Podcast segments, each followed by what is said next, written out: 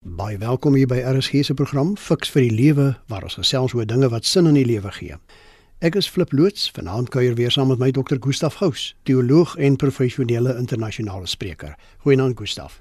Hallo Flip, en die belangrikste ding van verandering, kan ons dit hanteer en hoe? Inderdaad, ons gaan meer antwoorde daarop soek vanaand en jy as luisteraar kan natuurlik ook saampraat. Ons SMS nommer is 45889 en die SMS se kos R1.50. Onthou ook dat hierdie program nie aan jou as luisteraar voorskrifte gee van hoe om te lewe nie, maar wel riglyne waarbinne jy self keuses kan maak. Er is hier stem ook nie noodwendig saam met die opinie van enige persoon wat aan die program deelneem nie. Nou Gustaf, die een feit van die lewe is dat niks dieselfde bly nie. Ek word ouer, my werk verander. Alles word duurder. Getroudes kry kinders. Die politieke toneel is gedurig aan die verander. Ag en so kan ek aangaan. Hoe hanteer ek en al ons luisteraars hierdie veranderinge? Fiks vir die lewe fokus dan vanaand hierop. En Gustaf, hoe nodig is dit dat 'n mens moet verander en hoekom? Flip, as jy nie verander nie, gaan jy sterf. Dit is 'n kwessie van as jy nie aanpas nie, gaan jy sterf. Alvin Toffler, die bekende skrywer het gesê, die toekoms behoort aan die mense wat dit kan bemeester om voortdurend aan te pas. As jy nie aanpas nie, word van jou wat met die dinosourus gebeur het of met die dodo gebeur het. Kon nie vinnig genoeg of vinnig geleer hardloop nie en daarom is almal gevang en opgeëet daar in Nieu-Seeland. Die dinosourusse kon nie vinnig genoeg aanpas by die klimaatsverandering wat gekom het nie, soos een teorie sê, en daarom het hulle almal uitgesterf. En so ook die mammoet, daai groot mammoet olifante wat daar in Siberia gevind word. Hulle kon net nie vinnig genoeg verander nie. Hoe nodig is dit om te verander? As jy wil oorleef vir die toekoms, as jy die toekoms wil sien, dan moet jy verander want Elvin Toffler het selfs bygesê ons moenie net nuwe dinge leer nie. Deel van aanpassing is dat jy sekere dinge moet afleer. You must learn and unlearn and relearn het hy gesê. Jy moet sekere dinge afleer en bereid wees om daai veranderinge daai slegte gewoontes wat jy aangeleer het ook af te leer sodat jy geherleer kan word sodat jy die regte gewoontes kan kry vir die toekoms As ek so na jou luister Gustaf, dan klink dit my of veranderinge deel van die lewe is, as ek reg. Ek sê altyd verandering is nie deel van die lewe nie. Dit is baie meer radikaal as dit. Verandering is lewe. Vir 'n vlinder wat uit sy kokon uitkom of uit sy papie uitkom, word letterlik na die oorgang toe geneem deur verandering. As hy nie daai oorgang maak nie en hierdie verandering pynlik beleef nie, dan is dit letterlik dat hy nie tot volle ontplooiing gaan kom nie. Daar's baie keer mense wat ons van die pyn van verandering wil ontneem. Iemand het eendag gesit langs 'n vlinder en die gaatjie waardeur hy gekom het probeer groter maak en toe het hy verhoed dat die vloeistof in sy vlerke ingedruk word om te ontplooi. So verandering is nie deel van die lewe nie. Dis baie meer radikaal as dit. Dit is die lewe. 'n Lewe sonder seisoene, sonder somer, winter en lente en herfs, dan is ons wêreld dood. 'n Baba is wonderlik oulik, pragtige ou cute babatjie as hy sinne maar 6 maande of hoeveel maande oud is. Maar as daai selle babatjie 20 jaar later nog net so daai selle grootte is, dan gaan dit glad nie meer so oulik wees nie. So verandering is nie net deel van die lewe nie, verandering is lewe. En dit is nie net vir mense in jou persoonlike lewe wat dit so is nie. Dit is ook in die besigheidswêreld so. Ek het verwys na die Tyrannosaurus Rex wat uitgesterf het. Maar daar is ook 'n persoon wat sy naam soos Rex klink, meneer King. Hy was die persoon wat die King Report in Suid-Afrika geskryf het vir korporatiewe regulering. En hy het gesê dat die nie tasbare eienskappe, die nie tasbare bates van 'n maatskappy is nie net die vaardighede in die maatskappy nie en die vermoë om sekere prosesse te bestuur nie, maar dit is die vermoë om te verander. Een van die basiselemente van 'n persoon of van 'n besigheid is die suksesfaktor is die vermoë om te kan verander. So verandering is lewe vir 'n maatskappy en vir 'n gesin en vir 'n mens as individu. As dit dan so is dat verandering deel van die lewe is, Gustaf, hoe pas ek aan by al hierdie veranderinge wat my daagliks konfronteer? Ek dink hier by die werk, my blyplek, my verhoudingsstatus, die ekonomiese toestand van die land en so meer. Kyk, dit is die groot werklikheid. Mens moet vra, hoekom moet 'n mens verander en wanneer moet jy verander? En juis wat jy noem, noem is die wanneer van verandering. Die hoekom van verandering het ek nou gesê dit is deel van die lewe, maar die wanneer van verandering is nou wanneer die wêreld rondom jou verander. As jy letterlik op 'n punt kom en jy het altyd op dieselfde ou maniere ding gedoen en die ding werk nie meer nie. Daar is 'n bekende boekie geskryf deur Spencer Johnson wat gaan oor Who Moved My Cheese. Sien nou maar jy het altyd jou kaas gaan kry op 'n plek, jou inkomste gaan kry op 'n plek. Nou die ekonomie verander, nou die tegnologie verander. Nou tegnologie by jou verbygegaan. Jou besigheid het ou produkte wat die mense nie meer wil hê nie. Dit is soos briefies wat afgelewer word deur die poskantoor. Nou stuur mense WhatsApps. Nou in daai proses is daar dan 'n groot belangrikheid van dat jy hierdie verandering moet verander. Dit is wanneer jy dit moet verander. Wanneer daar 'n situasie is van huweliksverandering, van verhoudingsverandering, van die dood. So dit is 'n baie belangrike saak dat jy moet weet jy moet verander as hierdie groot veranderinge op jou losbars. Maar hoe mens moet doen is twee prosesse. Om dit eenvoudig te stel, die twee prosesse is transformasie en transisie. Die transformasie is die nuwe beleid. Dis die nuwe regering, dis die nuwe regulatoriese raamwerk, dis die nuwe verhoudingsstatus. So die transformasie is die nuwe plek. Dit is wat jy nou trek van een plek na die ander toe. Jy het van die Kaap af verhuis Pretoria toe. So die transformasie is die nuwe geografiese verandering in die nuwe struktuur. Maar baie mense beleef hierdie transformasie, maar hulle gaan nooit deur die transisie nie, want wat is transisie? Dit is die emosionele prosesse waardeur mense gaan om tot 'n vergelyk te kom met hierdie nuwe verandering. En dit is hoekom mense vashak in ou situasies. Die hoe van verandering is baie baie interessant. Dit gaan oor dat jy die transformasie wat op jou losbars emosioneel tot 'n vergelyk mee kom en deur daai emosionele prosesse gaan. En daarvoor is daar 'n baie eenvoudige model. Die model wat ek daarvoor gebruik is byvoorbeeld die uittog uit Egipte. Die fout wat mense maak is hulle dink 'n nuwe begin begin met 'n nuwe begin. 'n Nuwe begin begin nie met 'n nuwe begin nie. Hy begin met 'n eindpunt en dan 'n oorgang en dan 'n nuwe begin want die Israeliete is pas uit die ou situasie. Daar was iets verkeerd, daar was slawerny. Maar hulle was pas in die woestyn en wat die pyn van verandering versimboliseer en daar verlang hulle na die vleispotte van Egipte. En ek dink dit is die fout wat mense maak. Hulle besef nie verandering is 'n einde, 'n oorgang en 'n nuwe begin. In daai oorgang moet jy emosioneel tot sien sê vir die verlede en jy moet in jou kop 'n visie kry vir die toekoms en waardes kry en 'n pad kry vir die toekoms. Dis die mense aan wie die toekoms behoort. Maar die mense wat vashak en letterlik sterf in die woestyn. Hoeveel Israeliete het nie in die, in die woestyn gesterf nie? Hulle kon in 16 dae geloop het van Egipte tot in die Gaza-strook. Maar as jy vashak in 40 jaar vashak, dan is dit 'n teken hulle kon nie die verandering hanteer nie. En net die leierskap wat jou in die vernuwe situasie kan inlei, die Joshua leierskap, is daai leierskap wat jou dan op 'n punt bring dat jy besef 'n nuwe begin begin nie met 'n nuwe begin nie, dis 'n einde, 'n klaarmaak met die verlede en dan 'n prentjie vir die beloofde land. Ek raak so 'n bietjie benoud as ek na jou luister Gustaf, want sê net maar net ek is nie toegerus vir al hierdie veranderinge nie. Watter risiko's is daar dan?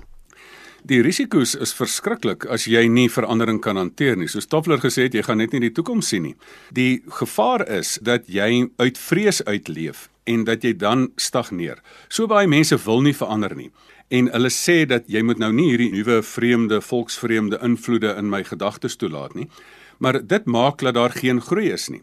Dit maak dat jy 'n klipkop kan word. 'n Klipkop is wat geen verandering kan hanteer nie en daai persoon wil niks nuwe idees toelaat nie.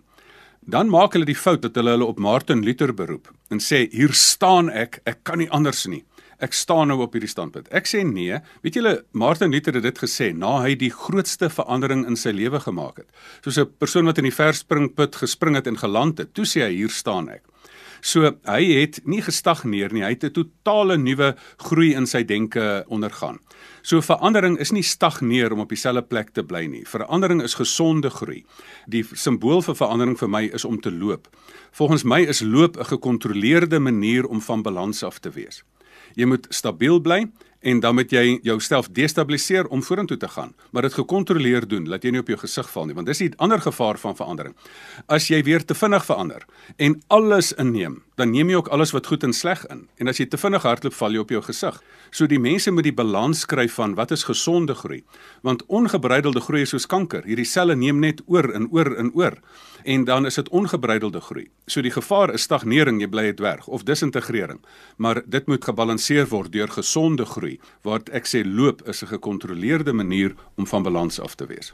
Dit is RSG met die program Fix vir die Lewe. Ek en my gas Dr. Gustaf Gous gesels vanaand oor hoe pas ek aan by veranderinge. Onthou jy kan jou mening vir ons deurgee per SMS 45889 is die nommer en die SMS se kos R1.50. Gustav, hoe pas ek intern, met ander woorde hier diep binne in myself aan by eksterne veranderinge? Hoe moet my ingesteldheid wees? Die ingesteldheid moet tweeledig wees. Dis amper 'n polariteit flip. Dit kom basies daarop neer dat party mense sê ek wil nie verander nie want ek is standvastig en dit is my karakter. Maar karakter is om vas te hou aan jou waarhede. Maar as jy net dit doen dan bly jy op dieselfde plek. As jy nie 'n verdere ingesteldheid het van 'n leerbare gees nie. Ek wonder of dit nie een van die belangrikste eienskappe van 'n mens is nie. Die Engelse noem dit 'n teachable spirit, 'n leerbare gees as jy nie kan sê dat karakter help jou om vas te hou aan jou ou waarhede, maar leerbaarheid is om jou ou waarhede te los en groter nuwe waarhede te ontdek. Natuurlik het jy daarmee saam dan ook 'n ander ingesteldheid nodig. En as jy dan in daai onsekere ruimte ingaan, dan moet jy ingaan in die ruimte van nou moet ek weet wat om te vat en wat om te los. Moet ek die slegte los en die goeie vat? Wat van as jy die slegte behou en die goeie los? En daarom het mense Filippense 1 vers 9 houding nodig wat ek noem 'n onderskeidingsvermoë want daar staan dat jou verstand moet verlig sodat jy die onderskeidingsvermoë het om te weet waarop dit aankom, om te weet wat om te vat en te los. So, jy moet jou karakter hê om vas te hou aan die waarheid. Jy moet 'n leerbare gees hê om dit te los, maar die onderskeidingsvermoë om te weet waar jy die verskil moet maak. Nou Gustav, fiks vir die lewe is 'n praktiese program. Watter stappe indien enige kan 'n mens volg om veranderinge in en om jou te bestuur of te hanteer?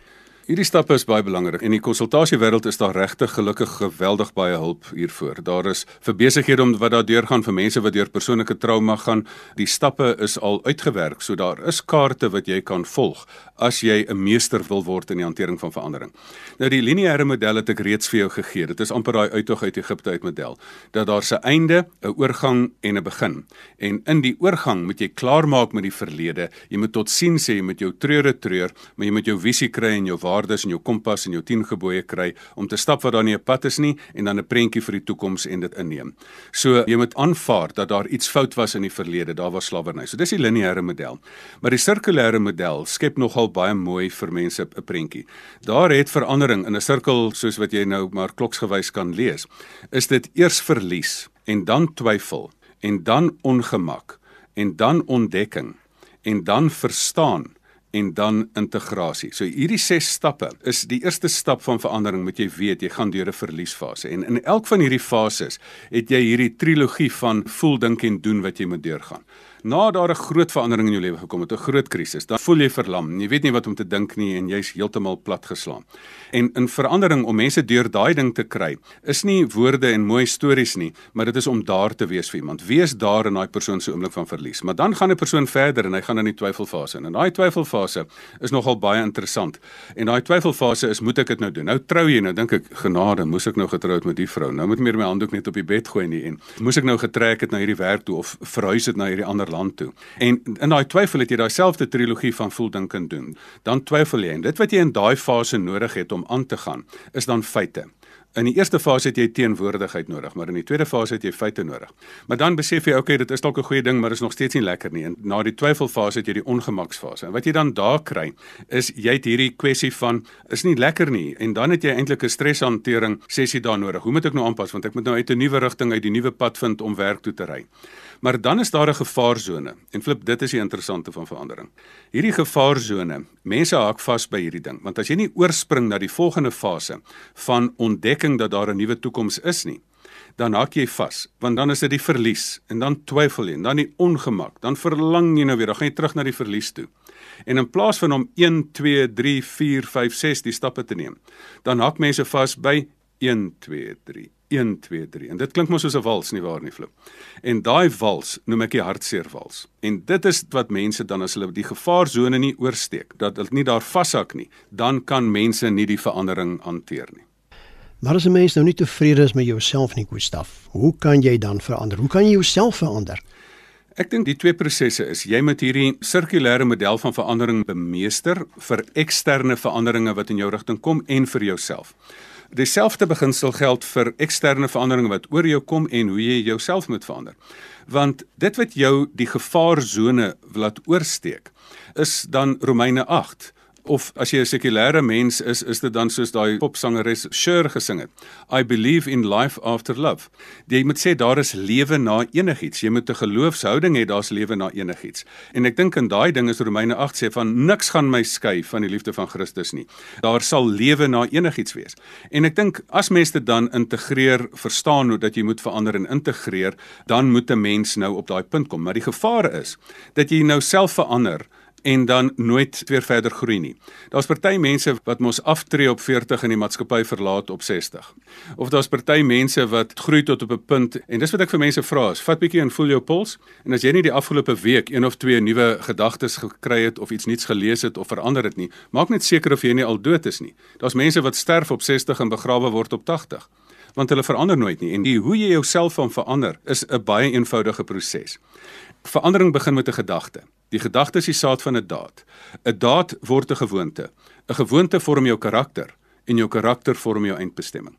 Daar is geen ander manier nie. Wys vir my 'n ander manier. Wys vir my 'n beter manier.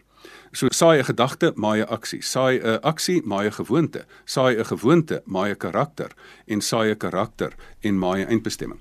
So nuwe gedagtes moet nuwe dade word wat dan gewoontes word wat dan jou karakter en jou toekoms verander. Ek hoor nou die dag hoe stap iemand sê vir 'n ander persoon, ek weet wat jou naam is, maar ek weet nie regtig wie jy is nie want ek kan nie agterkom wat binne jou aangaan nie. Miskien is dit baie keer ons probleem nie. Daar's diep binne ons dinge waaroor ons nie met ander mense wil praat nie. Watter sin het dit om miskien met ander oor my vrese of my kommer of my ongemak met veranderinge te gesels?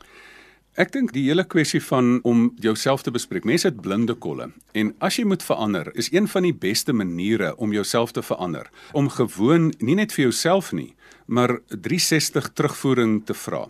Want jou hare kan dalk die mekaar wees, maar jy sien dit nie. Maar ander mense sien dit. Hulle kan sien jy sukkel met hierdie ding. Hulle kan sien jy met hierdie ding verander.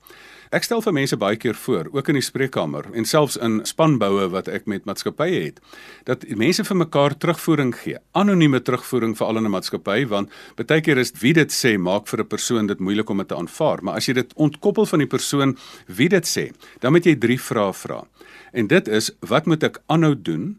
Wat moet ek ophou doen en wat moet ek nuut doen?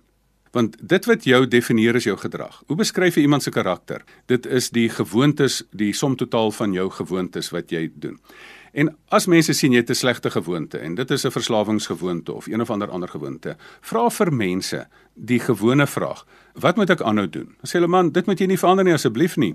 Dan sê hulle wat moet ek nie doen? Ek sê dit moet jy aanpas. En dan wat moet ek afleer soos wat Tafler gesê het?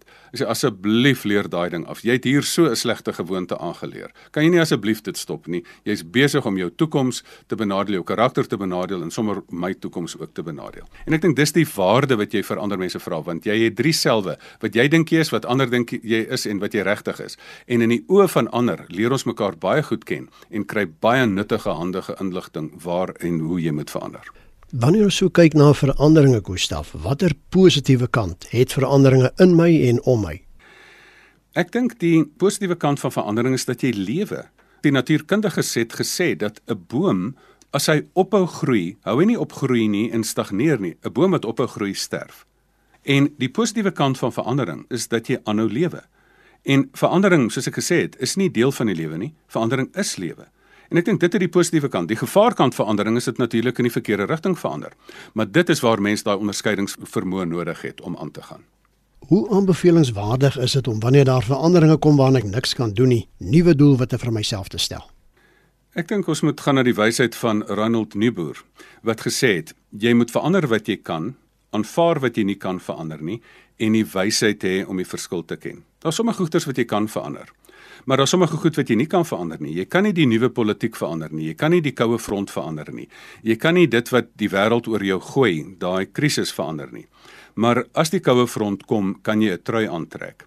So natuurlik moet jy vir jouself 'n nuwe doel stel. As jy verandering wil initieer, moet 'n mens dit doen. Ek dink die grootste fout wat ek in my eie lewe gemaak het is dat ek baie keer gewag het dat die lewe verandering oor my bring. So die goed wat binne beheer is, asseblief neem nuwe verandering, neem inisiatief en verander jou lewe. Maar al kom daai ding wat jy nie kan verander nie, moet jy ook 'n doelwit stel om minstens dit te oorleef, om minstens 'n trui aan te trek, om minstens dan 'n nuwe plan te maak, om minstens jouself te herposisioneer. En daai ding is die onderskeidingsvermoë, die wysheid om die verskil te ken van wat jy kan verander en wat jy nie kan verander nie. Iemand sê nou die dag dat dit nie die veranderinge of die stres daaroor is wat 'n mens gedaan maak nie, maar jou reaksie daarop. Stem jy saam? Dit is die hele kern van ons program Fix vir die Lewe wat dan terugval op wat die ou Oostenrykse psigiater altyd gesê het Viktor Frankl. En hy het gesê tussen die aksie of die bedreiging wat kom en jou respons is daar 'n besluitnemingsvermoë waarop jy kan besluit om die regte of die verkeerde ding te kan doen. Daai innerlike vryheid, daai verantwoordelikheid, die lewe vra van jou 'n antwoord en dit maak jou verantwoordelik. Daarom moet jy daarop reageer. Daar is 'n aksie waarop jy reaktief moet reageer. En ek dink dit is die sleutel van die lewe.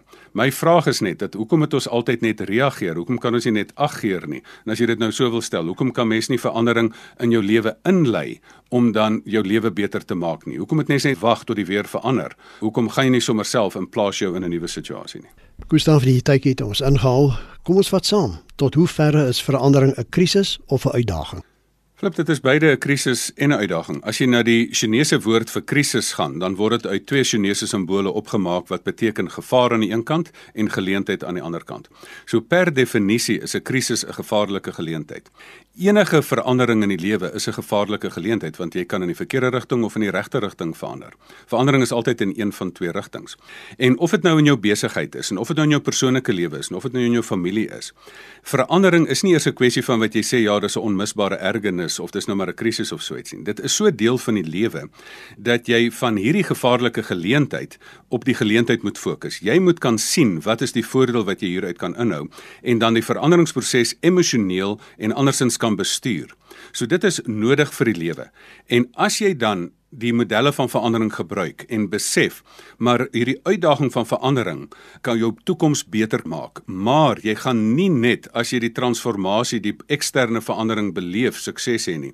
Maar as jy intern 'n meester in die hantering van verandering word 'n meester om hierdie proses te bestuur van verlies en twyfel en ongemak maar dan die gevaarsone oorspring en dan 'n nuwe ontdekking maak en dan verstaan hoekom dit goed was en dan dit integreer in 'n nuwe lewenstyl dan is jy soos 'n wiel wat aanhou rol. Die gevaar is net dat hierdie wiel rol en dan stagneer hy. Dat die hervorming kom en dan stagneer die hervorming en dan raak dit weer geëik. Jy moet konstant verander want dan sal die toekoms aan jou behoort.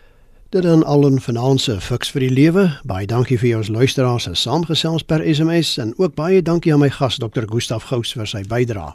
Nou Gustaf, ek weet daar's van die luisteraars wat graag met jou wil kontak maak. Hoe kan hulle dit maak?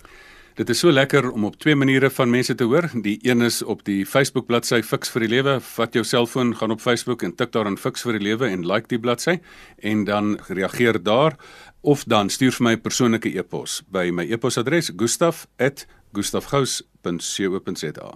En die gouse sonder 'n w, né? Jep. My kontakinligting flip by Media Focus